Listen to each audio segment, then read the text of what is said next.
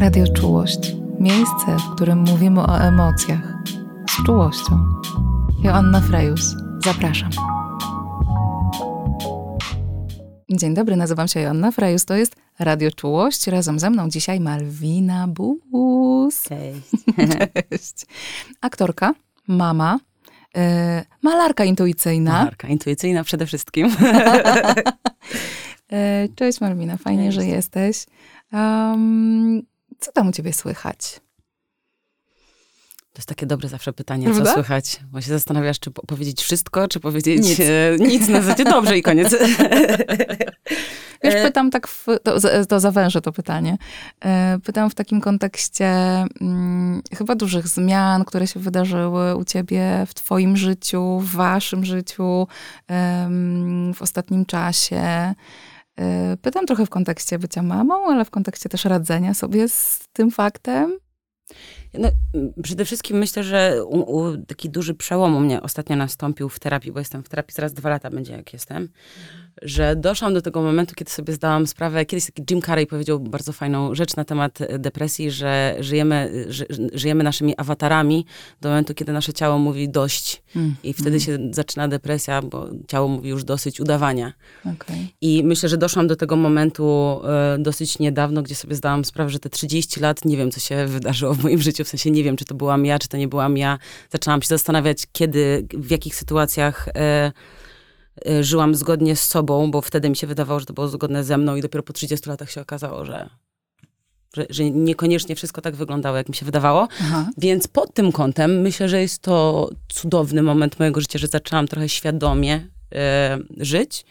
E, ale też myślę, że najbardziej intensywny okres miałam przez to. Oczywiście, że dziecko się urodziło, to jest raz, ale wszystko naraz związane z, z tym, że też długo nie miałam pracy, więc jakby mm, moje bolączki różne mieszały się między tym, że czy jestem dobrą matką, to jakby tu jeszcze sobie za mało dowalałam, więc zaczęłam sobie dowalać na temat tego, że nie mam pracy, więc to też jest moja wina, więc zapewne skoro tu jestem beznadziejna i tu jestem beznadziejna, to muszę być na pewno beznadziejną partnerką, no bo jak to być, jakby, no i tak wszystko się gdzieś tam nałożyło, że że to wybuchło, ale, y, ale tak, ale myślę, że podsumowując to wszystko, to w tym smutku gdzieś dużym super, że zaczęłam świadomie obserwować, y, dostałam narzędzia, żeby wiedzieć kiedy, jak się czuję, co z tym robić, Mhm. E, więc myślę, że, że no, taki najfajniejszy moment jest Mhm. teraz. Tak dobrze usłyszałam, że to jest tak, że mm, twoje pójście na terapię, rozpoczęcie tego procesu, wiesz, zgłębiania świadomości własnej, własnych mechanizmów i takiego chyba wychodzenia na mm, bardziej prostą, Tak. e, m, to się jakoś zbiegło z tym momentem, kiedy zostałaś mamą? To się, do, y, ten moment uświadomienia, że czas jest na terapię, to się wydarzyło półtora roku dopiero po tym, jak urodziłam Jagodę. Ale to dlatego, że jakby bardzo mocno sobie y, tu, y, myślę, że nasz, y, nasze bystre umysły są dużą pułapką y, naszych emocji, bo potrafią sobie bardzo logicznie wytłumaczyć pewne rzeczy. Ja sobie tłumaczyłam, że mam cudownego partnera, mam zdrowe dziecko, mam za co żyć, więc y, inni mają gorzej. Więc Mhm. jakby nigdy w życiu nie chciałam myśleć o sobie, że mogę mieć depresję albo może być coś nie tak, no bo są ludzie, którzy mają gorzej. I w związku z tym ja nie mam prawa. Ja nie mam prawa do tego. jest tak teoretycznie dobrze. Tak, no tym bardziej, że jeszcze u mnie to się dosyć mocno łączy z tym, że ym, mój Tomek osiągnął bardzo duży sukces w czasie, kiedy Jagoda, jakby się, ja byłam w ciąży, kiedy się rodziła, więc y, doszło dużo, no niestety ten internet jest tak y, czasami bezlitosny, że dużo fanek Tomka y, wypisywało do mnie w tym momencie takim słabym i... Co do ciebie pisały? To jest w ogóle to jest oddzielny, gruby temat, jakie ja wiadomości dostawałam czasami. Bardzo, raz dostałam w ogóle taką fajną wiadomość, że całowałabym go. Jak ktoś, coś było na zasadzie całowałabym go. Ja napisałam tak w żarcie, że no nie będziesz miała szansy raczej. No i wielki, wielki monolog dostałam, żebym sobie nie myślała, że, że on może w każdej chwili mnie zostawić, nawet z dzieckiem czy bez, że nie jestem taka ładna jak on, żeby mi się nie wydawało. I w ogóle, w ogóle wiesz, na to, że powiedziałam po prostu w żarcie, że nie będziesz miała okazji albo szansy, to dostałam po prostu jakiś taki wyżyk.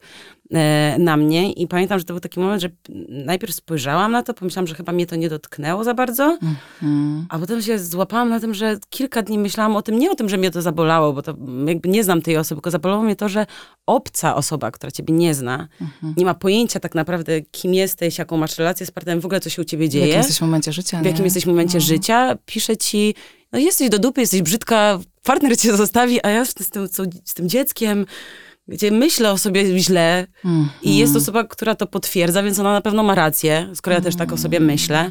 Więc ten internet jest taki gdzieś bardzo, mm, jest okropny, ale na, też y, nauczyłam się tego, że w tym momencie, oprócz tego, że miałam prywatne konto, zaczęłam blokować ludzi, już nie wchodzę w interakcję, bo oczywiście ja mam charakter, że lubię się kłócić, więc jak tylko ktoś mnie zaczepi, to ja mam ochotę dowalić też z drugiej strony. Ym, ale tak, myślę, że...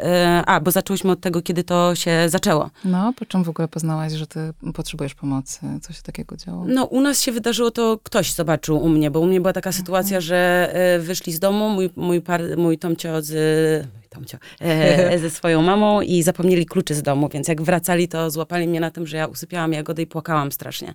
Okej. I, I to był taki moment, kiedy dla mnie to było normalne, że Mhm. często się zdarzało, że po prostu płakałam, bo mm, jakby chciałam już ten, mm, chciałam, uwielbiałam drzemki jagody, bo wtedy mogłam sobie odpocząć, mogłam iść spać, Mm. więc ten moment, kiedy ona nie chciała usypiać, to ja wpadałam w jakąś taką rozpacz i po prostu z tym płaczem ją zasypiałam i, i, i oni wpadli na to, bo zapomnieli telefonu czy kluczy i usłyszeli mnie i, i, i oni tak naprawdę mnie zaprowadzili do psychiatry i potem na terapię. Więc w tym przypadku myślę, że ja dosyć mocno skrywam, bo mnie też bardzo mało widać tak naprawdę, co się dzieje. Mm. E, więc na szczęście przypadkowa sytuacja w życiu e, pomogła. Bo w sumie nie wiem, jakby było teraz, ale nawet chyba się nie chcę zastanawiać, Mhm. co by było. Mhm. Sama byś nie wpadła na to, że no, warto sięgnąć po, po wsparcie. Nie, bo, y, mm, ja, ja zawsze sprawiam wrażenie, i to było i w szkole, zawsze wszędzie, y, sprawiałam wrażenie bardzo silnej osoby, która nigdy nie płacze. I pamiętam, że na trzecim roku, jak już po prostu z tych emocji po prostu zaczęłam ryczeć przy wszystkich, to taka cisza była na sali i wszyscy przerażeni na mnie patrzyli, że Malwina może w ogóle płakać. Bo ja faktycznie jakby gdzieś robię taką sobie gdzieś taki mocny e, mur buduję wokół siebie. Już teraz nie, ale nieświadomie to robiłam. Mm. E, że, że, że ciężko, ciężko dotrzeć do tego. No ale w ogóle myślę, że w depresji jest ciężko. Je- je- Jeżeli masz tak małe, mm, niskie mniemanie o sobie i sobie wytłumaczyć to depresją, to jest takie proste powiedzieć, mam depresję, więc dlatego taka jestem. No nie powiesz tak, no bo Mm. Myślę, że y, jak ma się ten kawałek, y, taki wewnętrzny, bardzo krytyczny głos, który ci ciągle mówi, że jesteś beznadziejna, mm, że, mm, że właściwie wiesz, w każdym obszarze jesteś taka beznadziejna Tak. i tak dalej, że właściwie to powinnaś być wdzięczna za to, co masz, bo inni właśnie mają gorzej. mhm. Y, to ten głos też potrafi powstrzymywać przed sięganiem po wsparcie. Że trochę to jest taka opowieść o tym, że, mm, że jestem jakoś, y, y, że sięganie po wsparcie jest, y, będzie kolejnym objawem tego, jak jestem beznadziejna, Tak, tak, tak. nie? Że sobie nie radzę, ale też, nie wiem, czy tak u ciebie było, ale mm, że też ja trochę nie zasługuję na to wsparcie. oczywiście, że tak. Nie. No. No, że nie zasługuję, że nie warto, że kto by tam się mm, mną przejmował, nie? To ja jeszcze ja miałam taką stronę, że nie, nie potrafiłam sobie poradzić. W ogóle miałam bardzo duży problem ze, z połączeniem z, z moją córką, z Jagodą, w sensie, że ten, tak jak mówię, ten internet potrafi być cudowny dla kobiet w tych, w, tych, w, tym, w tych czasach, że możemy zobaczyć, że inne kobiety też mają ciężko i to jest super. Mm, To od bardzo niedawna. Od bardzo niedawna, Mm. e, ale z drugiej strony też mm, jest dużo informacji i dużo p, mm, profili, które pokazują właśnie tą drugą stronę, która jest cudowna. Mhm. I, I gdzieś ja mm, pamiętam, że ja w ogóle chciałam urodzić przez cesarskie cięcie, dlatego że ja gdzieś tam bardzo mam niski próg bólu, bardzo ataki paniki jakieś ba, bardzo y, potrafią przejąć kontrolę nade mną, więc ja to wiedziałam. I nagle odkryłam ten internet i te wszystkie kobiety mówiły, że naturalnie trzeba rodzić, że dziecko jest zdrowe, jak jest naturalnie, więc ja sobie gdzieś tak w ciąży wmówiłam, że krzywdę zrobię dziecku, jak zrobię sobie cesarkę, Mhm. więc muszę chociaż spróbować. No i oczywiście skończyło się tym, że koniec końców się skończyło cesarką po dwóch dniach ciężkiego e, porodu. E, I myślę, że to wszystko potem, że zobaczysz dziecko, zakochasz się, potem w ogóle... Mm, ten cały przekaz, że nieważne, wszystko nieważne, byleby dziecko było Tak. zdrowe i tylko spojrzysz w oczka. I już będzie po I po prostu- prostu tak, już zapomnisz o całym bólu, Tak. lęku i będzie wspaniale i odpłyniecie w stronę zachodzącego słońca. I to się Tak nagle nie, nie wydarza. było. I to się nie wydarza i, i pamiętam, że, y, że miałam poczucie obowiązku, w sensie, że muszę się nią zaopiekować i że zrobię wszystko, żeby jej się nic nie stało, ale nie czułam czegoś takiego, że no, masz dziecko, które ci się rodzi, jeszcze nie mówi, jeszcze nie ma żadnych y, jakichś emocji, nie reaguje, więc jakby ja w ogóle zauważyłam, że ja na życie mam coś takiego, że ja bardzo potrzebuję długo z kimś się znać, żeby się otworzyć, żeby nawiązać jakąś relację, więc sobie zdałam dopiero później sprawę, że z dzieckiem też może być tak samo. No pewnie. Że masz, dają ci jakieś tutaj dzieciątko, mówią, to jest twoje i teraz ty masz je kochać. I masz takie, masz tego robaka, trzymasz, nie masz pojęcia w ogóle nic. Nie wiesz jak nakarmić, nie wiesz jak przebrać, nic nie wiesz. Więc myślę, że to mnie bardzo zniszczyło, że wjechałam sobie na głowę, że muszę być beznadziejną matką. Mm, skoro tym- nie wiem. Skoro nie wiem, tym bardziej, że my chcieliśmy to dziecko mieć. To nie była wpadka, tylko że, że, że bardzo chcieliśmy i to było coś takiego, że no przecież chciałaś. Mhm. Chciałaś, a teraz tego nie czujesz, czy jesteś beznadziejna, czyli w ogóle się nie nadajesz. Jeszcze ta moja mama cudowna, bo moja mama rzeczywiście ma taką, e, moja mama kochała zajmować się nami, poświęciła się nam na czas macierzyństwa, uwielbia to i uwielbiała. E, I zawsze pamiętam, jak ona mówiła, że ona kochała z nami spędzać czas, że ona nigdy nie musiała nas oddawać, że ona nie musiała mieć przerwy. I ona nie mówiła tego, żeby mnie oczywiście... Mm, Pewnie mówiła to po prostu z, z głębi gdzieś brzucha, tak? Tak, Ale, ale rozumiem, że to jest bardzo wysoko postawiona poprzeczka. absolutnie tak. Mhm. Więc mm, tak wszystko po kolei myślę, że, że, że to, że nie czułam tego kontaktu z dzieckiem, plus strasznie miałam potrzebę wrócić do pracy szybko, co teraz wiem, że się cieszę, że nie dostałam roboty. Ja, ja, że dopiero jakby to też jest ciekawe, że my dopiero po e, różnych wydarzeniach rozumiemy, dlaczego czegoś nie dostaliśmy, dlaczego cze- coś się nie wydarzyło. Płaczemy, że coś się nie wydarza, a trzy lata później myślisz sobie, o Boże, jak dobrze, że tak się wydarzyło.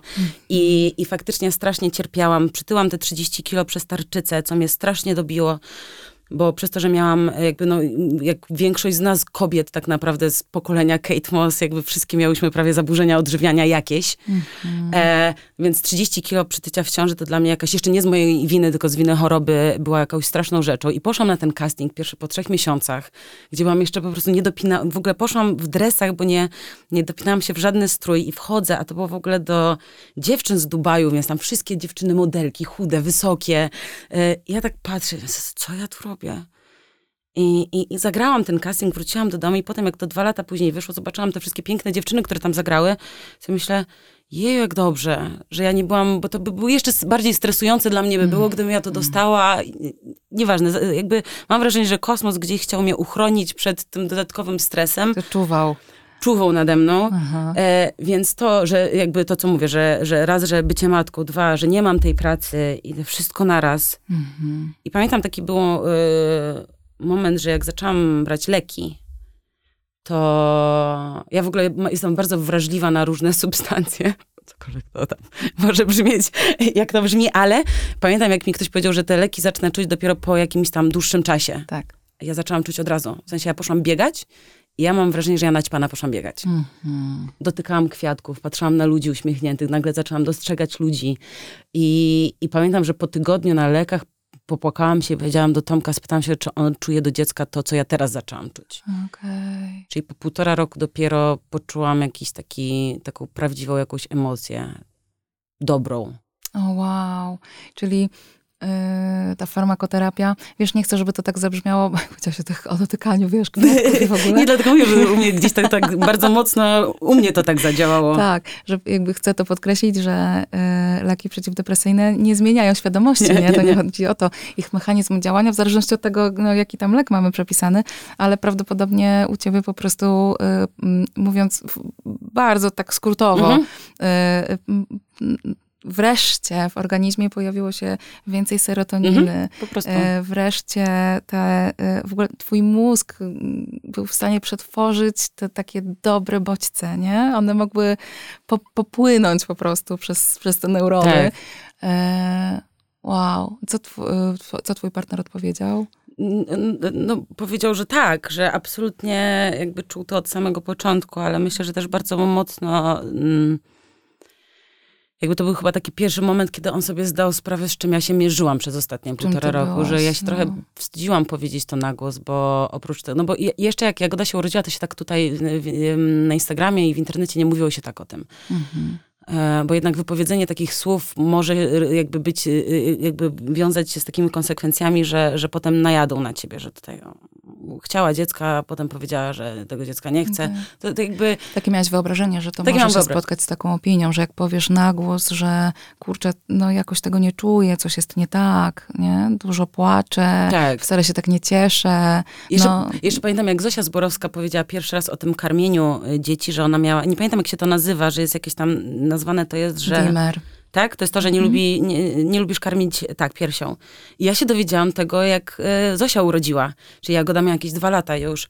Ja mówię, Tomek, ja to miałam, bo ja faktycznie nie lubiłam karmić. Mm -hmm. Ja mhm. płakałam w trakcie karmienia, no. ale robiłam to jakby Jagoda w ogóle też miała straszny problem z przestawieniem się, a ja miałam oczywiście w głowie to, że jak nie wykarmię własnego dziecka, to jestem beznadziejna, mm -hmm. więc sobie po prostu z tym laktatorem resztki e, pokarmu ściągałam, żeby cokolwiek jej dać. Mm -hmm. Nienawidziłam tego I, i dopiero po dwóch latach sobie mówię, Boże, po co ja sobie wjeżdżałam tak na głowę? Za, no. Jakby, że widocznie miałam to. Mm. Te, nie wiem, czy to 7% kobiet to ma, czy... Wiesz, trudno powiedzieć, bo większość z nas nie po prostu o tym nie mówi. No. Ale y, Myślę, że to jest bardzo blisko tego, co powiedziałaś wcześniej w ogóle o, o, o takim, e, jakichś takich wyobrażeniach na temat macierzyństwa, które nam i kultura, i właśnie też przekaz społeczny, które nam wbijają do głów, że, że my musimy być jakieś w tym macierzyństwie, że my musimy grać jakąś rolę, tak. nie? Że, że to macierzyństwo, macierzyństwo rodzicielstwo, że, że tam jest tylko jakaś e, jedna dobra opcja i jak my e, mamy inaczej, to że to już jest nie w porządku, mhm. nie? że my jesteśmy w związku z tym beznadziejne.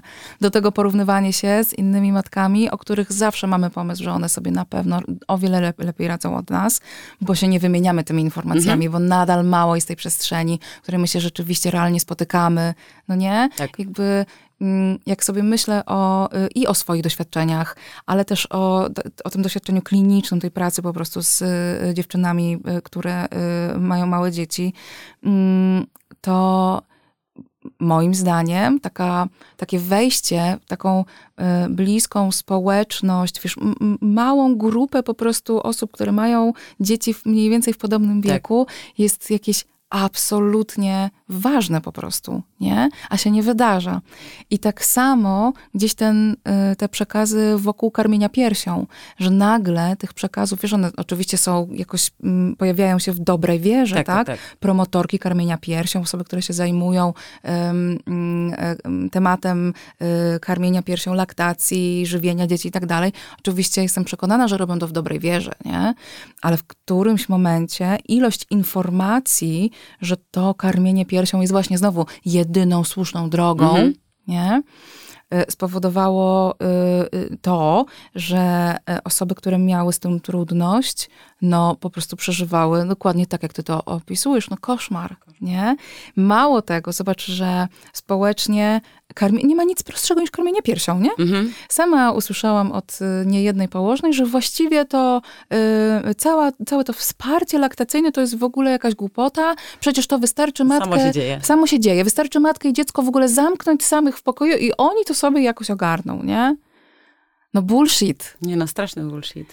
Y, ja rozumiem, że y, przez y, jakby tysiące lat jakoś to karmienie piersią się działo, tak? Ale przecież też się nie działo, tak? tak. Przez tysiące lat również dzieci umierały. Przez to, że nie... Mhm. Prawda? Więc jakby, come on, no nie róbmy sobie tego. Nie? No ale też nikt nie mówi o tym, właśnie mówił o przestawieniu, a ja miałam o tyle ciężki przypadek z Jagodą, że ona po prostu tak e, łapczywie jadła, że mi po prostu mhm. nawet cztery miesiące, jak już ją karmiłam, to mi pękały sutki cały czas. Mm. Krew mi leciała. Mhm. I, I ja pomimo tego dalej jestem dobrą matką. Tak, ja to wytrzymałam po ja prostu. Tak. tak. Ja pamiętam, jak po prostu Tomek, jak zbliżała się pora karmienia, albo Jagoda już płakała, to widzę, widziałam już Tomka i widział, no bo ten początek jest taki, że masz wrażenie, że, że jedyne, co robisz, to karmisz. Tak. Że te pół godziny nawet przerwy, to nie wiadomo kiedy mija i po prostu cały czas na tym cycku wisisz.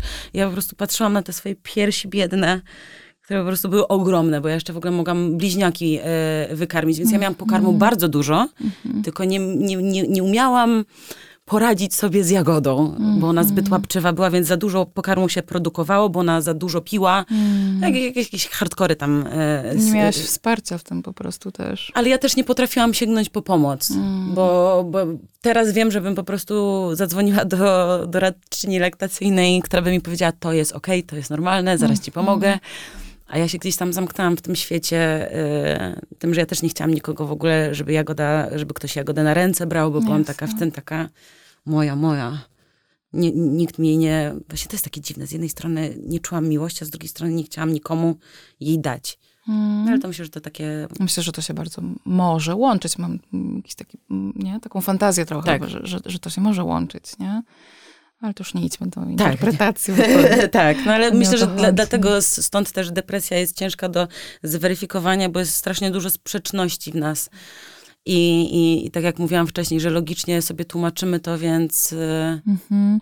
I to też nie jest ten moment, nie? kiedy ty się spodziewasz, że to przyjdzie. tak, tak bardzo wierzysz w tę opowieść, że z tym dzieckiem i już tylko je urodź, nie? tak, tak, tak, tak, tak. Urodzisz, to już będzie wszystko świetnie. Mm, A potem się okazuje, że Jezu, no tam jakby okazuje się, że po porodzie jest jeszcze połóg, tak. nie?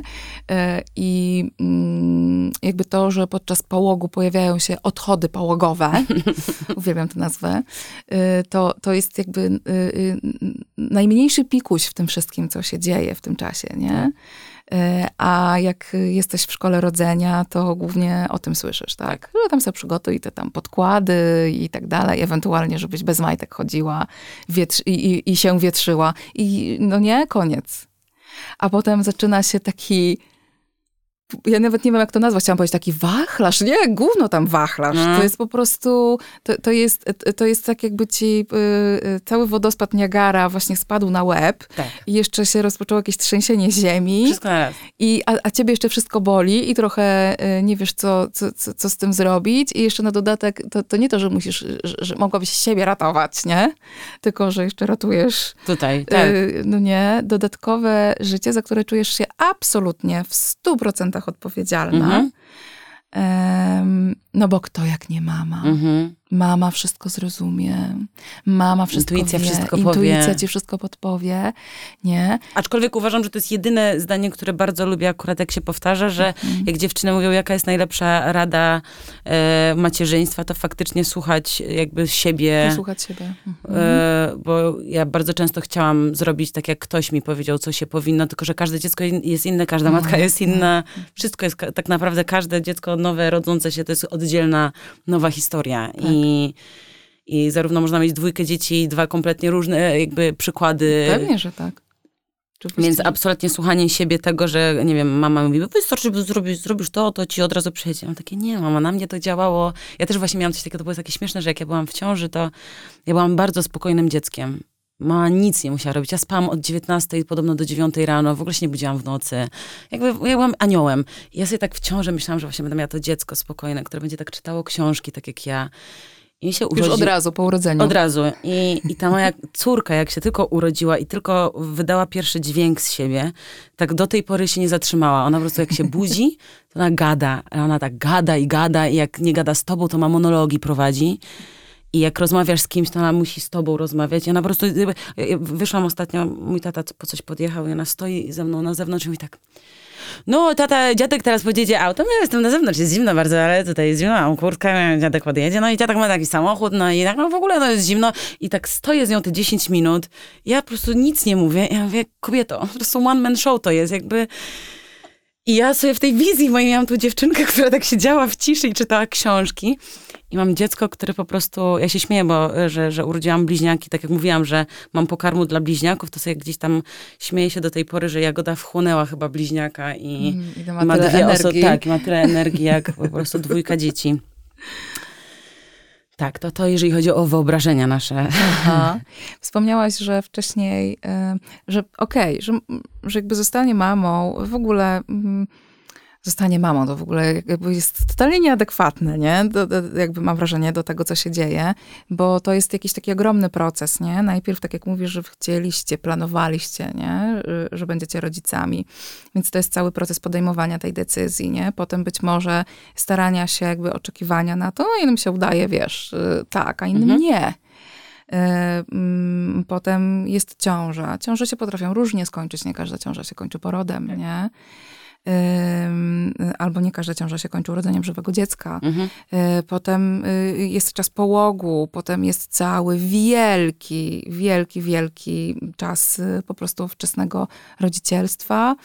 Mm, I to jest cała masa wyzwań, które się jakoś piętrzą.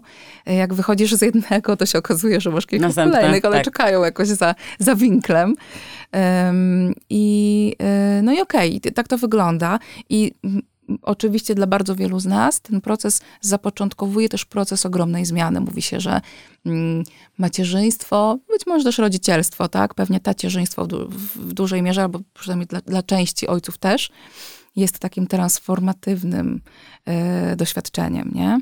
Ale mówisz, że wcześniej, jak, jak oglądasz siebie, Malwinę, sprzed w ogóle całego tego kawałka swojego życia, y, to powiedziałaś, że y, masz wrażenie, jak teraz e, jakoś wracasz do tych czasów, jak w ramach terapii oglądasz różne sytuacje w swoim życiu, to powiedziałaś, że, to, że dochodzisz do wniosku, że to było coś dziwnego, że, że jakoś tak coś, um, coś, coś chowałaś, coś było jakoś za tym murem takim obronnym, że de facto udawałaś kogoś. Tak, ja zawsze... Yy, Co to była ta rola? Ostatnio się dowiedziałam o tym, że to jest tak zwane people pleaser. Mhm co jak e, w kontekście kogoś innego się mówiło, to miałam tak, a on taki jest, ale jak myślałam, że to ja taka jestem, to jakby absolutnie nie widziałam tego i faktycznie zobaczyłam to, że ja praktycznie od bycia małej dziewczynki jakby chciałam spełnić e, wizję wszystkich innych e, na swój temat. Na swój temat. Mm. I to się oczywiście zaczęło od mojej mamy, która jakby prze,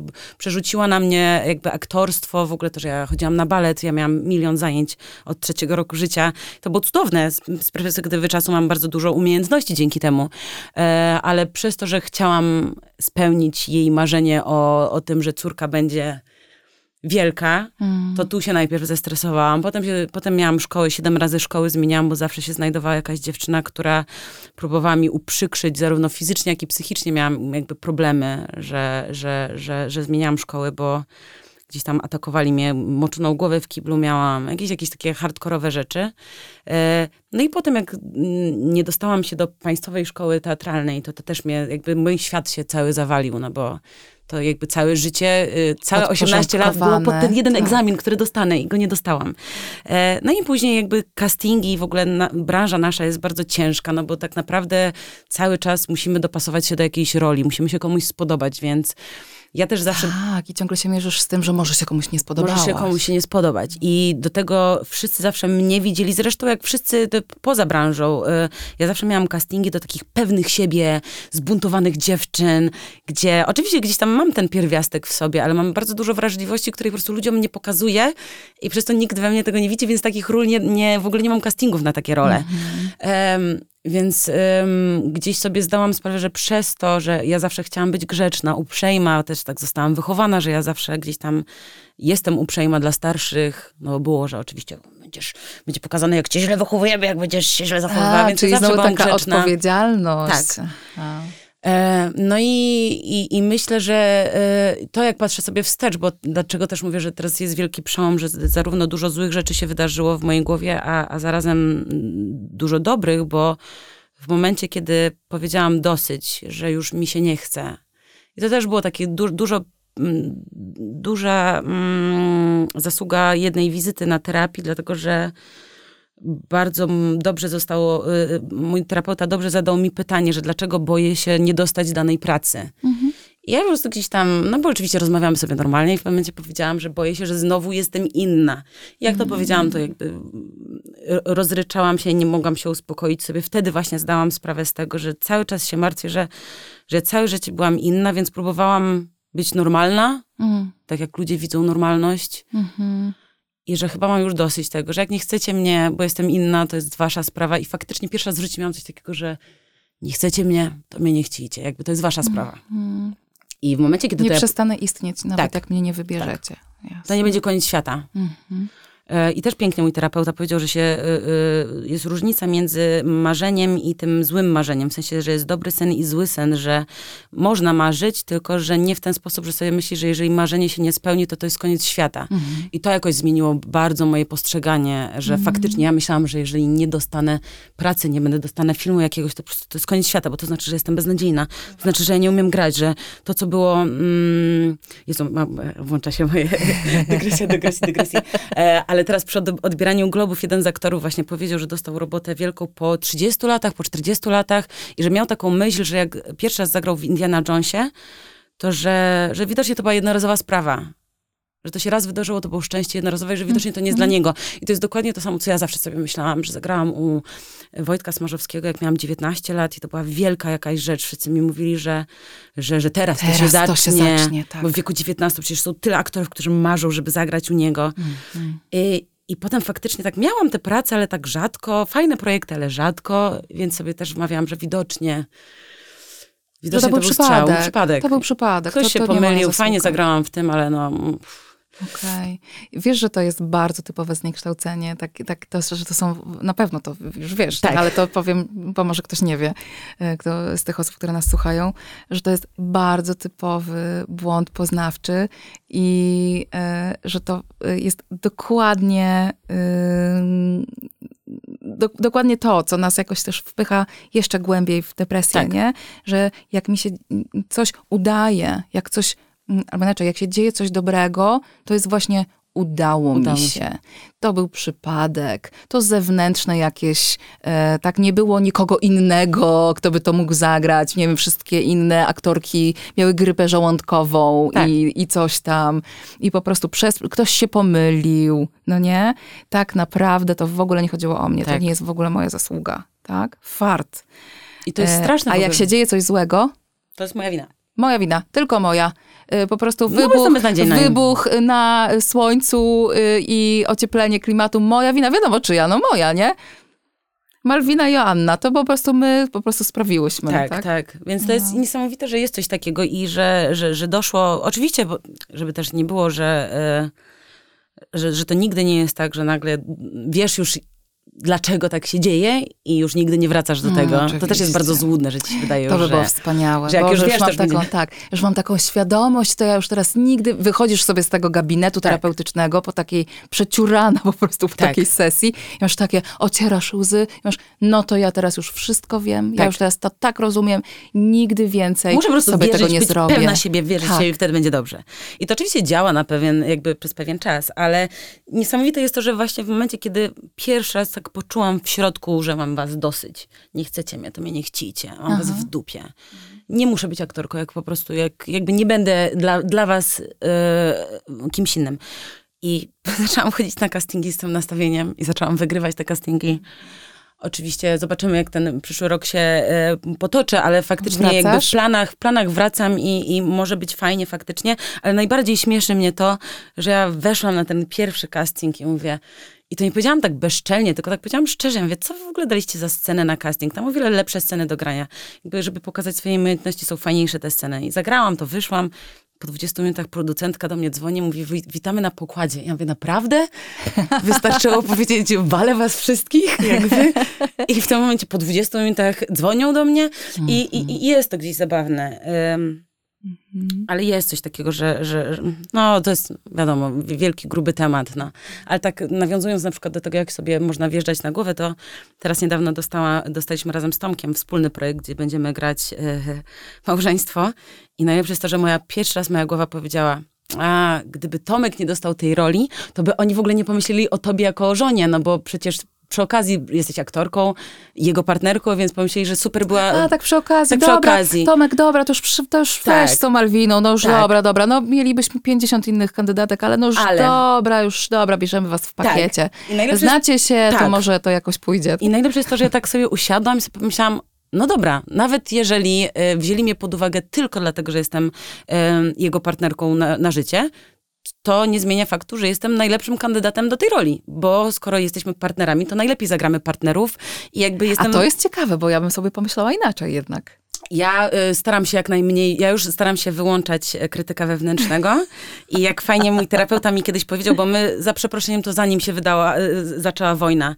y, nazwaliśmy mojego krytyka wewnętrznego Putinem mm. i jak to kiedyś powiedział mój terapeuta, że jak jesteś z Putinem w gabinecie, to się z, jakby z Putinem się nie wygrywa, mm. bo jak wygrasz z nim, to po prostu usiądziesz na jego miejsce i staniesz się swoim własnym jakby krytykiem.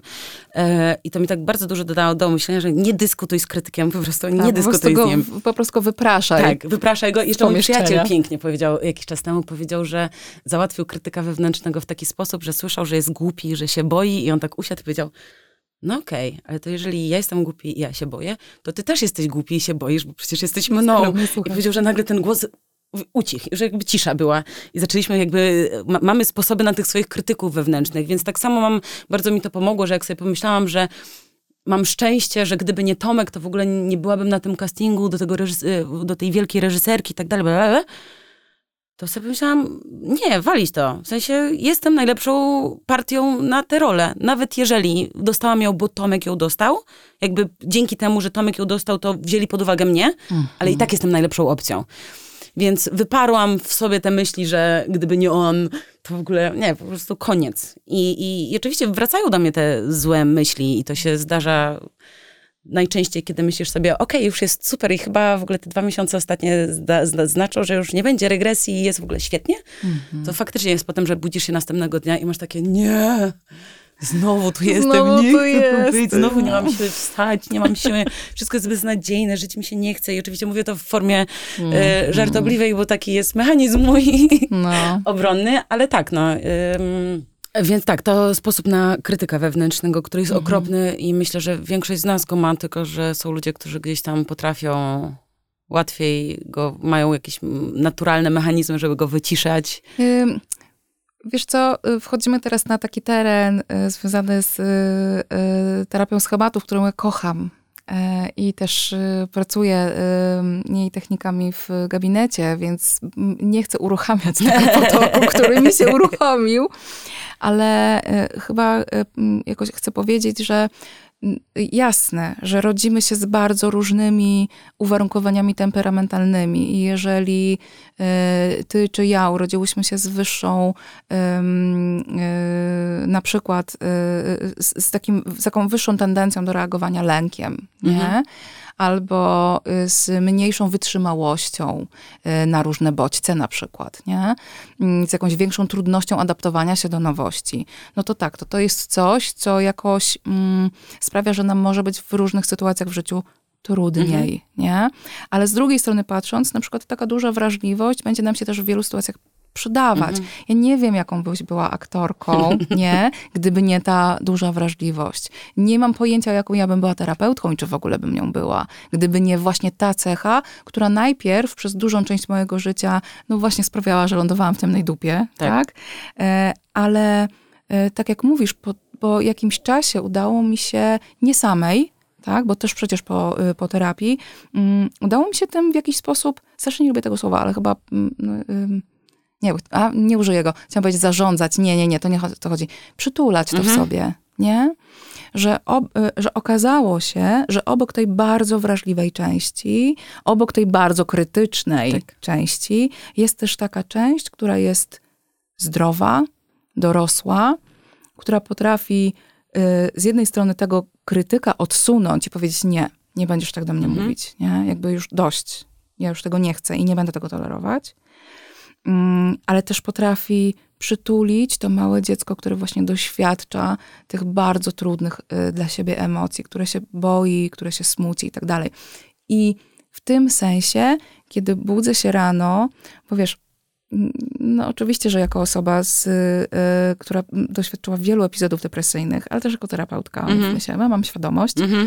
Zresztą ty też gdzieś o tym powiedziałaś, że trochę z tą depresją i z, nie, ty mówiłaś w kontekście zaburzeń odżywiania, że trochę to jest tak jak z uzależnieniem, że to gdzieś jest, nie? Że mamy trochę krótszą drogę, y, która prowadzi do nawrotu, niż y, y, osoba, która nigdy nie doświadczyła mm -hmm. żadnej trudności takiej psychicznej. Więc y, mam świadomość, że te poranki się będą zdarzać. Mhm. Nie? Kiedy, kiedy otworzę jedno oko i już wiem, nie? a okej, okay, dzisiaj to nie jest dobry dzień. E, ale dzięki temu, że tak dużo wiem o sobie i o tym, że ta zdrowa, dorosła część też we mnie jest i że ona oprócz tego, że potrafi, wiesz, y, przejść do przodu, osiągać jakieś cele, y, budować plany, la, la, la, la, opiekować się innymi, to że to jest też część, która się potrafi opiekować mną, mhm. nie? Że jak się budzę i czuję, że okej, okay, dobra, chyba ostatnio przesadziłam, chyba trochę za dużo pracowałam, zjechał mi nastrój, mm, hmm, hmm, hmm, to ta część, to ta część istnieje i ona potrafi powiedzieć, no dobra, to co? Stop. To dzień kocykowy. No nie? Ale to jest w ogóle już wyższy level właśnie uświadamiania sobie tego, że właśnie to jest ci potrzebne. Mhm. Że to, co jest w depresji, to sobie myślisz, że to jest lenistwo i po prostu nie tak, możesz tego tak, tak. zrobić, bo masz za dużo rzeczy na głowie. Tak. To, I to też wrócę do tego Jima Carreya, bo właśnie on tak fajnie rozłożył słowo depressed, jako że deep rest. Tak, że po tym jak się jak, jak, jak się wywala robisz, wszystko, tak. Albo jak sobie robisz presję. Presję, za dużo presji, to właśnie tak. musisz odpocząć, że my musimy odpocząć. I, I faktycznie jest to fajne, że kiedy... Y, dla mnie takim dużym przełomem było to, że ja, ja myślałam, że z depresji się wylecza. Mhm. Idąc na terapię, myślałam, że ja skończę terapię, y, skończę brać leki, że będzie koniec. I pamiętam, że ja ostatnio słuchałam też, y, jak Ola Hamkał była, to dokładnie o tym też mhm. mówiłyście. I ja tak myślałam do momentu, kiedy nagle sobie zdałam sprawę z tego, nie wiem, czy to było po terapii, terapii, czy jak coś obejrzałam, że, że to się nie skończy, tylko dostajesz mhm. narzędzia do tego, żeby jakby radzić sobie z tym, mhm. ale że to nie znaczy, że to nigdy nie wróci. Tym bardziej, że te epizody na, na, nawrotu mogą być różne, bo może to trwać jeden dzień i, i mhm. wyjdziesz z tego, a może nagle się okazać, że siedzisz już w tym dwa, trzy tygodnie i sobie zdajesz sprawę, że znowu wpadłaś w pułapkę, a ja też mam takie wrażenie, że mm, każdy kolejny epizod depresyjny sprawia, że jeszcze trudniej jest z niego wyjść. Ja takie mam, póki co mam takie wrażenie, mm -hmm. że mam te narzędzia, ale przez to, że mam narzędzia, to już mam wrażenie czasami, że jestem już totalnie głupia. Bo skoro mam te narzędzia, to dlatego, dlaczego mi ciężko dlaczego jest wyjść z tego? Tak? Dlaczego to mhm. znowu powróciło? Mm -hmm. um, ale tak, ale myślę, że z jednej strony jest to cięższe. Może nie wiem, czy to zawsze jest cięższe. Wiesz co, to zależy na co spojrzysz. Na tak. pewno, jeżeli doświadczasz, znaczy to już tak patrząc po badaniach, nie? Jeśli doświadczasz nieleczonych epizodów depresji, tak?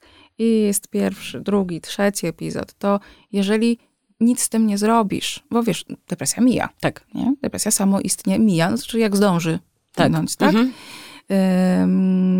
jak, jak, wcześniej osoba w depresji nie zrobi takiej rzeczy, która mhm. jej uniemożliwi po prostu tak w ogóle powrót na powierzchnię.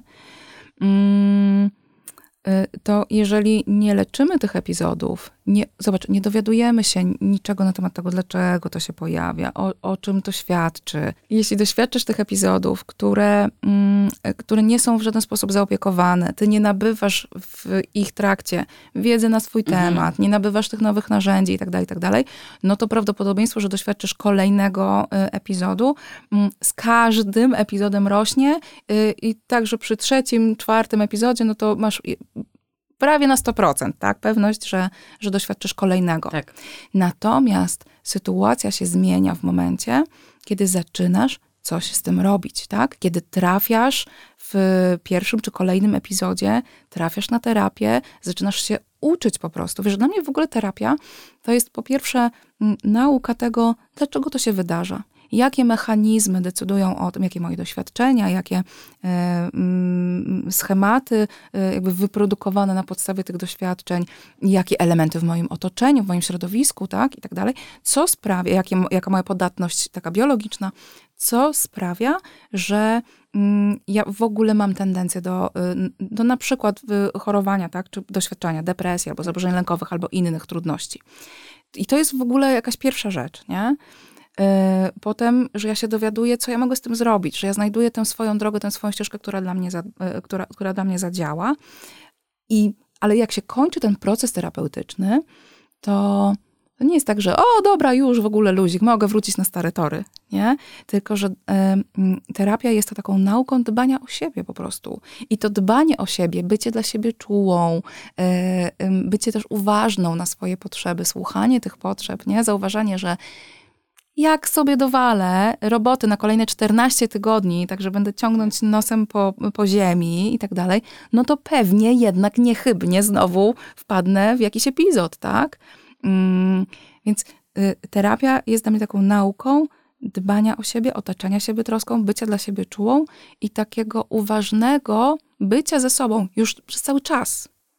I to oczywiście, bo myślę, że to jest ważne, żeby powiedzieć, żeby też trafić na dobrą osobę dla ciebie, bo nie wszyscy terapeuci trafią do, do tych samych osób. I ja na przykład bardzo trafiłam na pierwszą kobietę, która bardzo mi nie podeszła, ale gdzieś czułam, że no zrezygnuję z tego, no to już w ogóle będę do dupy. No tak. E, Bo to pewnie jest moja wina, że się nie dogadujemy. Tak, nie? tak. Mhm. Ale było coś takiego, że mm, tak tylko wtrącając, przez to, że moja mama jest astrologiem, no to to jest, ja, ja, jest, ja siedzę w tym całe życie, więc jakby muszę na terapii powiedzieć o tym, że to jest część mojego życia muszę, czasami będę mówiła o astrologii, bo po prostu no mam, taka mam jest realność. Taka no, jest realność. Tak. No jak zobaczyłam kobietę, która gdzieś sobie już zaznaczyła na boku mm, astrologia e, i pamiętam też, ten był taki moment, kiedy powiedziałam jej, że, że miałam taki, też miałam najgorszy moment, kiedy ym, w, tym, w tej depresji najgorszej jakby miałam ochotę krzywdzić siebie. Mm. E, i pani terapeutka powiedziała, że za pół roku, jeżeli mi się to nie zmieni, to dopiero wprowadzi leki. I, i, i pamiętam, że to był ten moment, kiedy stwierdziłam, zmieniam. Mhm. I jak poszłam do tej nowej osoby, e, do mojego obecnego terapeuty, to ani nie podważył astrologii, tylko powiedział, że jest ciekawy, co ja mu powiem na ten temat, bo chciałby się dowiedzieć. Mhm. E, z drugiej strony powiedział, że od razu leki jakby trzeba wprowadzić w takiej mhm. sytuacji, że rozumiem, dopiero jak sobie ty, wyprowadzę. Rozumiem, że ty czułaś, że to jest po prostu tobie potrzebne, a tak. tam nie miałaś przestrzeni, żeby, żeby o tym współdecydować. Tak. No jasne. Ale że bardzo często słyszę też, że ludzie się właśnie poddają, bo nie trafili na dobrego terapeutę i myślę, że, że mi akurat miałam szczęście, że to się okazało za drugim razem, mhm. że trafiłam i i, to też takie było fajne, że ten mój terapeuta na którymś spotkaniu powiedział, że tak mnie to bardzo dotknęło, powiedział, że nie może się doczekać, aż pozna mnie. Mówię, jak to już chodzę do ciebie miesiąc, tam dwa miesiące, jak to? No, no nie, no na razie to nie jesteś ty, nie gadasz ty, mm, ale się nie mogę doczekać tego, jak cię poznam. I tak strasznie mnie to ruszyło, że, że była osoba, która, i też tak ostatnio też usłyszałam od niego, że po dwóch latach prawie, że się cieszy, że e, dopuściłam go do siebie i że mówię mu o rzeczach, które pewnie są trudne dla mnie i że ciężko mi. I to jest coś takiego, że, że na takiego człowieka trzeba trafić, gdzie jesteś w stanie bez oszukiwania samej siebie, bo też terapia trochę polega na tym, że wychodzisz z terapii i sobie myślisz, czy to, co ja powiedziałam, to była prawda, czy nie? Czy ja trochę nie chciałam zmanipulować nieświadomie czegoś? To trafiasz na osobę, która wie, kiedy ty manipulujesz, mm. która ci sprawia, że już przestajesz manipulować, bo po prostu się otwierasz i mówisz szczerze, bez strachu, że to będzie jakieś miało dziwne konsekwencje. Ah, e, oddychaj, oddychaj. Oddychaj, Malwina. Um, więc e, tak, myślę, że w ogóle trafienie na dobrą osobę, mhm. która ci w tym pomoże. Tak. Myślę, że to jest ważne, że za rzadko się o tym mówi, że terapia, wiesz, bo to jest jakieś jedno słowo, nie? Mhm. E, terapia czy psychoterapia. I e, daje to takie wrażenie, że to właściwie wszyscy ci, co tam mają e, na, na tej, nie wiem na czym, na plakietce, na pieczątce, na, tam, nie wiem, na drzwiach napisane psychoterapeuta, tak. to że my wszyscy robimy to samo. Mhm. To w ogóle nie jest prawda, tak? Po pierwsze, znaczy, no jakby pewnie dążymy do, do podobnych wyników, tak? Chcemy wspierać w zdrowieniu e, albo w rozwijaniu się mhm. E, i tak dalej. Natomiast mm, trzeba o tym pamiętać, że bardzo dużym kawałkiem y, tych oddziaływań terapeutycznych jest osoba terapeuty, mhm. nie? Że, że, że, nawet są na to tam badania procentowo to wyliczyli, że to chyba 40% tam oddziaływania to, to jest właśnie osoba, tak? Mhm. Która, która tam terapię prowadzi. I w tym sensie tak, to trzeba znaleźć, wiesz, tak jak partnera życiowego, no po prostu to musi być osoba, która sprawia, że się czujesz przy niej bezpiecznie, tak, tak. nie? Że się czujesz rozumiana. Um, oczywiście, że ta osoba cię może wkurzać czasami, że możesz, yy, yy, no nie wiem, być zdziwiona, czasami się nie zgadzać, ale nadal, wiesz, to tak jak w rodzicielstwie, przecież twoje dziecko ma prawo się z tobą jakoś nie zgodzić, ma prawo się na ciebie wkurzyć i tak dalej, ale ty je cały czas kochasz, mhm. tak? I, I chcesz dla niego dobrze. Tak. Yy, więc yy, jakoś... Tak. A poza tym my się przecież posługujemy różnymi szkołami. Tak. I to jest też ważne, żeby sprawdzić, który nurt terapeutyczny też jest, jest dla mnie Ja nawet okay, nie wiem, jaki mój jest nurt, bo nigdy nie pytałam o to. No to tak a propos tego, że, wa że warto sprawdzić, w jakim tak, ale, w, ale w ogóle ciekawe jest e, przede wszystkim w terapii to, że w sensie nie w terapii, tylko jak masz dziecko, że w ogóle ciekawe jest to, że mm, dzieci, mam wrażenie, w moim przypadku, ale też widzę po różnych osobach, że przy, po różnych osobach przyspieszają terapię w takim sensie, że obserwując swoje własne dziecko, widzisz swoje cechy tak na kartce po prostu, tak, czarne na białym. swoje cechy, ale też bardzo dużo wraca mm, takich doświadczeń z twojego dzieciństwa. Mhm. A jeszcze jak to jest relacja pomiędzy mamą a córką, to twoje relacje z twoją mamą się bardzo też potrafią mhm. uruchamiać. No w ogóle to jest tak, masz rację. Nie wiem, jakoś tak w którymś momencie y, kiedyś w swojej pracy zawodowej pomyślałam, że jak to wspaniale, że ja wybrałam właśnie ten kawałek, że ja pracuję głównie z mamami małych dzieci, bo tam się tak niesamowite rzeczy potrafią wydarzać. My potrafimy tak ogromną świadomość samych siebie mm, budować na podstawie naszych relacji z dziećmi. Nie chodzi mi też o naszych wspaniałych relacji z naszymi dziećmi, właśnie w ogóle na podstawie tych relacji, których czasami jest strasznie trudno się złapać właśnie, złapać ten kontakt i tak dalej. To daje, mm, a i w drugą stronę nauka czułości jest też wspaniała, jeśli chodzi o mhm. mamy małych dzieci, bo wiesz, bardzo często, jak już, y, mm, y, y, jakby, mm, jak już ja potrafię zadbać o to swoje dziecko, to zewnętrzne, mhm. to potem jestem w stanie to przekładać na to swoje wewnętrzne dziecko, nie? I często u mnie w gabinecie pada takie pytania, co byś zrobiła dla dziecka w tej sytuacji? Nie? Bo jakby tam, co, co, co byś mogła dla siebie zrobić, to jest, no jak to, tam się powinnam wziąć do roboty, znowu marudzę, znowu coś tam, nie? Okej, okay. ale powiedziałabyś tak do swojego trzyletniego dziecka? Co byś mu zaproponowała? Nie, no wiadomo, kakałko i koc. Mhm. Ja no, tak. Nie? No, Też pamiętam tak. właśnie, że u nas było coś takiego, że Jagoda wpadała w takie szały nie dało się nic z tym zrobić, bo ani przytulić jej nie można było, mhm. ale nie można było wyjść z pokoju i ona nie wiedziała, czego chce. I ona po prostu taka była w tym szale, potrafiła w nocy przez dwie godziny krzyczeć. W ogóle mhm. już myślałam, że policja dawno przyjdzie do nas. Opieka społeczna. Opieka społeczna tak. i tak dalej. No i pamiętam, że tak siedzę następnego dnia i mówię, Tomek, po prostu nie wiem, co mam zrobić. Ona ani nie chce przytulenia, ani nie chce... I tylko tak Tomek tak się patrzy na mnie i mówię, co? A on mówi, a jak ty masz złości? Ja tak nie chcę, żebyś mnie przytulił, ale nie chcę, żebyś wychodził z domu. Mówię, Jezus Maria. I że dopiero jakby uświadamiając sobie, że to jest jeden do jednego, co ja, to zaczęłam jakby spytać się, co ja bym chciała. Mhm. I zaczęliśmy to wdrażać y, w tych szałach u Jagody i faktycznie one są krótsze. Mhm. One y, y, jakby zupełnie inaczej to działa, więc jakby doświadczenie tego, że ja się nigdy nie zastanawiałam, jaka ja jestem w awanturze, jaka ja jestem w złości, bo, bo nie zastanawiasz w ogóle ludzie, którzy się kłócą, nie zastanawiają się nad tym, bo tylko dwie osoby, które się kłócą, to chcą przekonać do własnej racji i tak naprawdę dopiero jak to ochłoniemy, to jesteśmy w stanie rozmawiać, bo... Przekonać do swojej racji, zranić kogoś, tak. siebie, y, po prostu wywalić tak te trudne emocje, tak. nie mieć ich w środku. I, I nie zastanawiasz się nad tym, dopiero jak sobie usiądziesz, nie wiem, jednym to zajmuje 10 minut, drugim to zajmuje kilka lat. dni, kilka, kilka lat. E, no tak, ale właśnie dzięki temu, że jakby dzieje się to z dzieckiem, to my na przykład z Tomkiem zauważyliśmy, że my w ogóle jakoś tak dużo się nie kłócimy z Tomkiem, nigdy się nie kłóciliśmy, ale jak mamy już taką sprzeczkę, to już teraz świadomie robimy koniec, Aha. Pogadamy za 10-15 minut, wychodzimy i to nawet 5 minut czasami wystarczy, żeby usiąść i powiedzieć, co ja miałam na myśli, co on miał na myśli. I nagle się okazuje, że te afery w ogóle y, y, tak bardzo nie mają sensu. Bo możecie sobie bo przykre rzeczy mu powiedzieć. Najczęściej macie tę samą intencję. Tak. No nie? Chcemy dobrze, tylko po prostu każdy chce swoje, bo mi chodzi o coś innego i jemu też. No, no i tak samo jest z tymi dziećmi, że te dzieci po prostu chcą w tym momencie tak bardzo powiedzieć, co im się dzieje i nie wiedzą, jak to zrobić. Mm.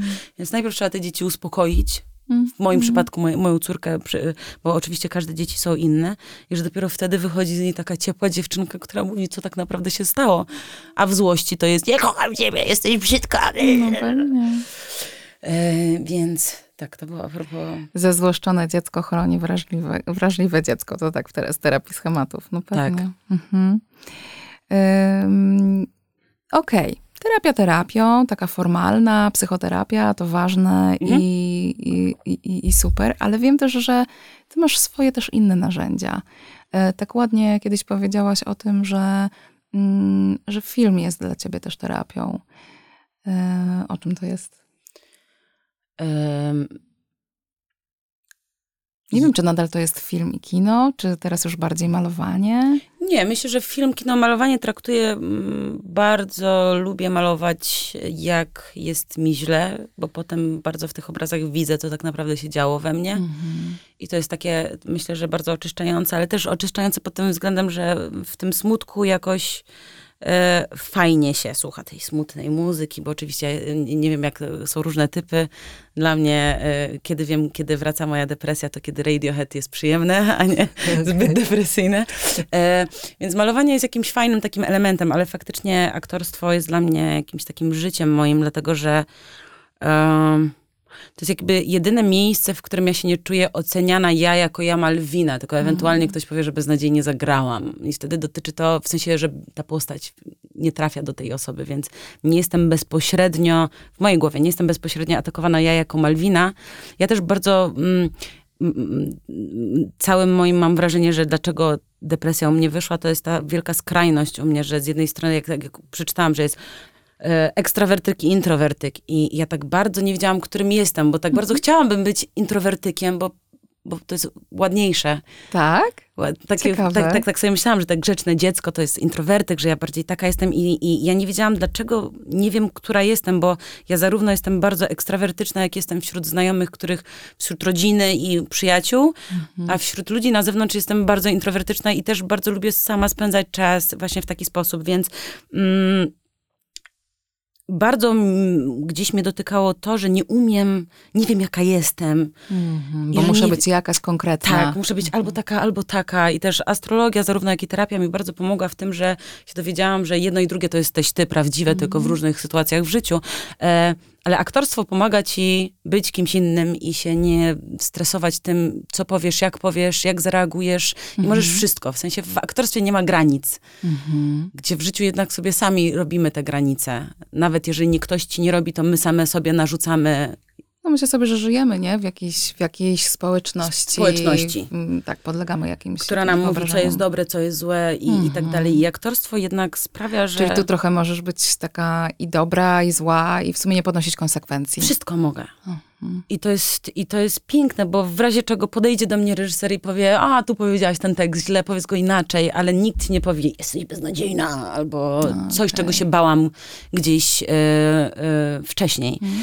Ale to brzmi trochę też jak taka strategia, o której mówiłaś wcześniej, że y, tak odegrać jakąś rolę, trochę się za nią schować. Mhm. Nie, w życiu. Ale rozumiem, że teraz to się tak skanalizowało do aktorstwa i, i, i z tego sobie bierzesz, a potem wychodzisz z planu i masz takie no teraz jestem Malwiną i to jest okej. Okay. Tak. Tak, myślę, że teraz jest to, ale ja w ogóle nie wiem na ile to jest mm, rzeczywiście prawda, ale ja w ogóle uważam, że wszyscy, którzy idą w aktorstwo, mm -hmm. nie, nie wszyscy, wątpię, że to są same normalne osoby. Myślę, że to są osoby, które gdzieś tam... Znaczy ja, ja mam taką... Y, stworzyłam swoją teorię prywatną dawno, dawno temu, że się aktorzy dzielą na tych aktorów, którzy mają misję wewnętrzną i są ci, którzy po prostu lubią świecić i to też nie jest złe, mm. żeby nie było. Ja w ogóle zazdroszczę ludziom, którzy uwielbiają chodzić na ścianki, jakby czują się w tym dobrze, bo ja absolutnie mam coś takiego, że lubię zagrać, ale potem już jakby te wszystkie splendory, y, premiery, zdjęcia, wywiady jakby stresują mnie bardzo i uważam, że ludzie, którzy w ogóle uwielbiają to, to to jest absolutnie cudowna cecha dla aktora, bo aktor moim zdaniem też powinien taką cechę mm-hmm. gdzieś mieć, bo to jest nasz zawód. Tak Czyli tak, taka musi... porządna dawka narcyzmu trochę. Tak, absolutnie. Każdy mm. aktor ma, jakby nawet my mamy to w sobie, bo z jakiegoś powodu jesteśmy, chcemy grać, chcemy, żeby ludzie nas oglądali. Mm-hmm. Inną mamy motywację do mhm. tego, ale absolutnie jakby każdy z nas ma w sobie narcyza. E, w jakimś tam sensie. No jakby patrzcie na mnie, powiedzcie mi, że ładnie zagrałam. Powiedzcie, że to nie było złe. No to jest w jakimś tam sensie narcystyczne. Czy to jest z lęku, czy nie? Mm -hmm. Jest. Um, ale co ja mówię? Pogubiłam się. No, to jakoś tak y, się zastanawiałam, że, że, to jest taki kawałek jak, jak z z tego kiedyś, nie? Że odegram jakąś rolę A, tak. i w związku z tym nie muszę być sobą i cokolwiek powiecie, to mówicie o tej postaci, którą tak, właśnie to jest, to jest jedno, ale mhm. drugie jest jeszcze fajne, że pamiętam, że jak w, Be w Belfshow um, Łukasza Palkowskiego grałam właśnie dziewczynę, która e, męczyła, nie męczyła, jak to się mówi, prześladowała inne, inne mhm. dziewczyny. I to było tak niesamowite, że oni mnie obsadzili w tym, bo ja byłam tą... Ty miałaś takie doświadczenia. Ja miałam te doświadczenia mm. i, i miałam coś takiego, że czułam się tak strasznie niewygodnie w tym, jak ja mam zagrać kogoś, kto y, znęca się nad kimś, skoro... A potem sobie myślę, no przecież dokładnie wiesz, jak to zrobić, jak to okay. zagrać. Jakby masz siedem różnych dziewczyn, które możesz zagrać w tym momencie. Mm -hmm. I to i... było jakoś oczyszczające, że mogłaś się wcielić w ten Nie, nie to nie było to coś, co było przyjemne dla mnie. Okay. Było przyjemne to, że mam narzędzia do tego, że doświadczyłam tego, więc wiem, mm -hmm. jak mhm. to zagrać i że to nie musi być zawsze jeden do jednego, że te osoby, które jakby są twoimi jak to się mówi, prześladowcami. Prześladowcami, jakby mhm. niekoniecznie to jest jeden do jednego, że musi wejść i jakby umoczyć ci głowę w kiblu, tylko są dziewczyny, które potrafią bardzo psychicznie mm -hmm. cię rozwalić, nawet nie bezpośrednio ciebie nie dotykając, bo mm -hmm. też miałam mhm. przypadek, gdzie była jedna dziewczyna, która po prostu rozsiewając plotki, jakby mm -hmm. zniszczyła mi życie w szkole, a tak naprawdę nigdy ona się tak, teraz z perspektywy czasu wiem, że tak bardzo była zakompleksiona, takie miała mm. problemy ze sobą, że nawet nie potrafiła jeden do jeden mi powiedzieć e, twarzą w twarz, co o mnie myśli. Mm. Więc jakby um, rodzaje prześladowań są przeróżne. Więc cieszyłam się bardzo, że wiem, jak to zrobić, ale granie tego wcale nie było wygodne.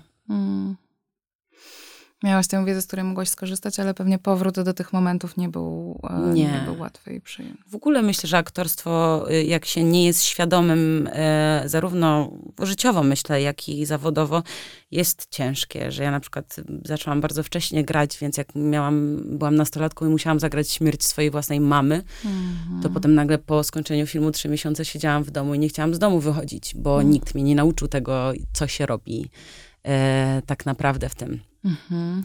No e, tak, a znowu ten y, aktorski, y, jak to powiedzieć, branża, branża, tak, ta branża. Środowisko. To środowisko. To nie jest nowe środowisko, które jakoś ma taką wiesz, instytucjon takie instytucjonalne wsparcie, y, wiesz, że jak kończysz y, pracę nad filmem, w którym grasz jakąś bardzo trudną dla siebie rolę, która ciebie w ogóle odsyła do jakichś twoich osobistych doświadczeń, albo, albo nie, no po prostu odsyła cię po prostu na taką tak. planetę, tak. na której nigdy byś się nie chciała znaleźć, to nie ma tam, wiesz, zapisane w kontrakcie, że potem masz psychologa, psychologa lub terapeuta. Dzieje, dzieje się to już coraz częściej, bo na przykład kiedyś nie było czegoś takiego, teraz są konsultanci od scen erotycznych, w ogóle.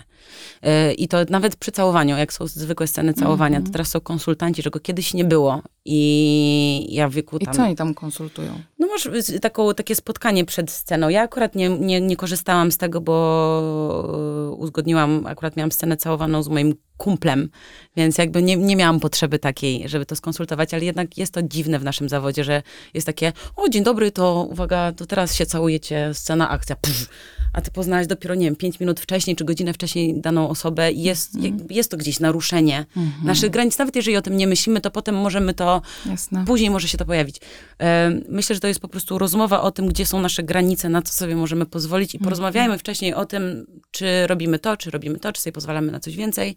Okay. E, więc jest to super, że to się pojawia. Myślę, że też, też nie ma co generalizować, że mm, e, wszyscy, wszyscy jakby są źli jest bardzo dużo dobrych reżyserów i ludzi w tym środowisku, ale też jest zarówno, myślę, że to tak jak ze, z każdym innym zawodem i człowiekiem, są dobrzy i źli. Są ludzie, którzy są bardzo skoncentrowani na sobie, a jednak zawody artystyczne bardzo wszyscy, którzy jesteśmy w zawodach artystycznych, mają bardzo silne ego i, i bardzo łatwo można jakby popaść w to, mhm.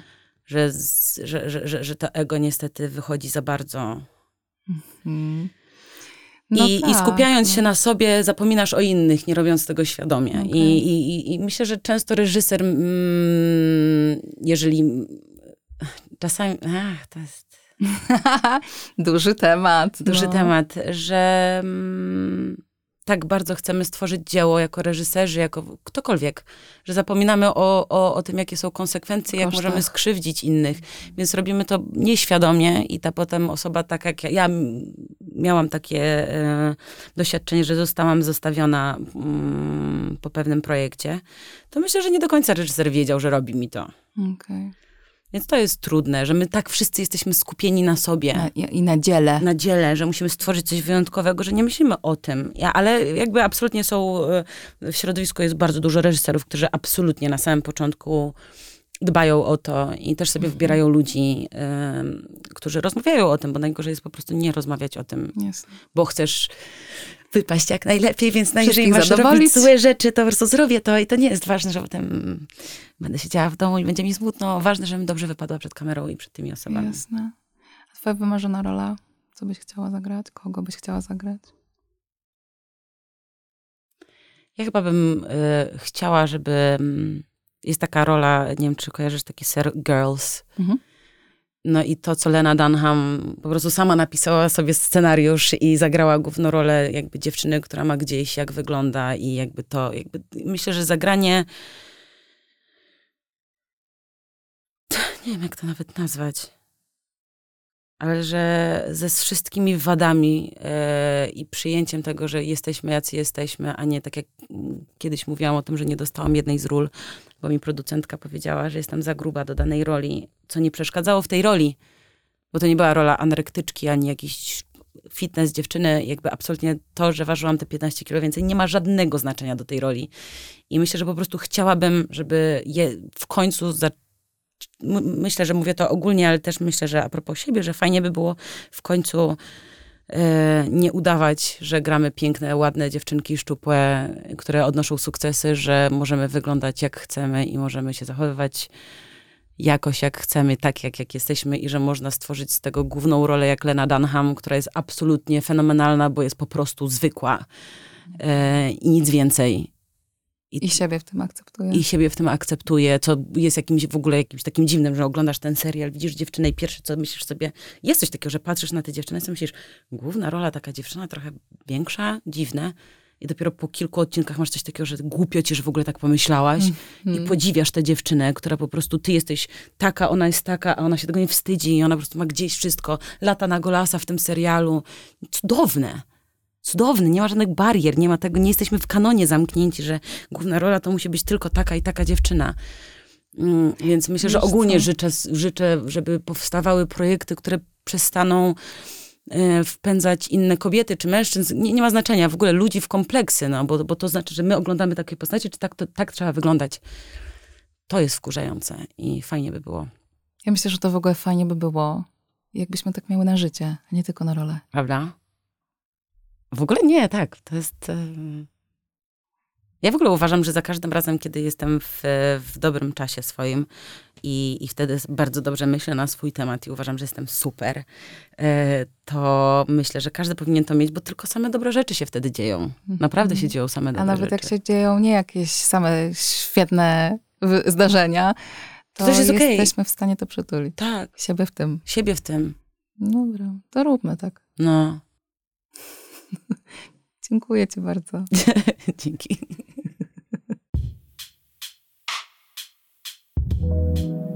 To było Radio Czułość.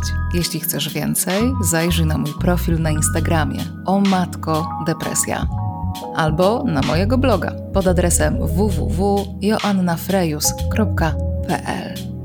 Do usłyszenia.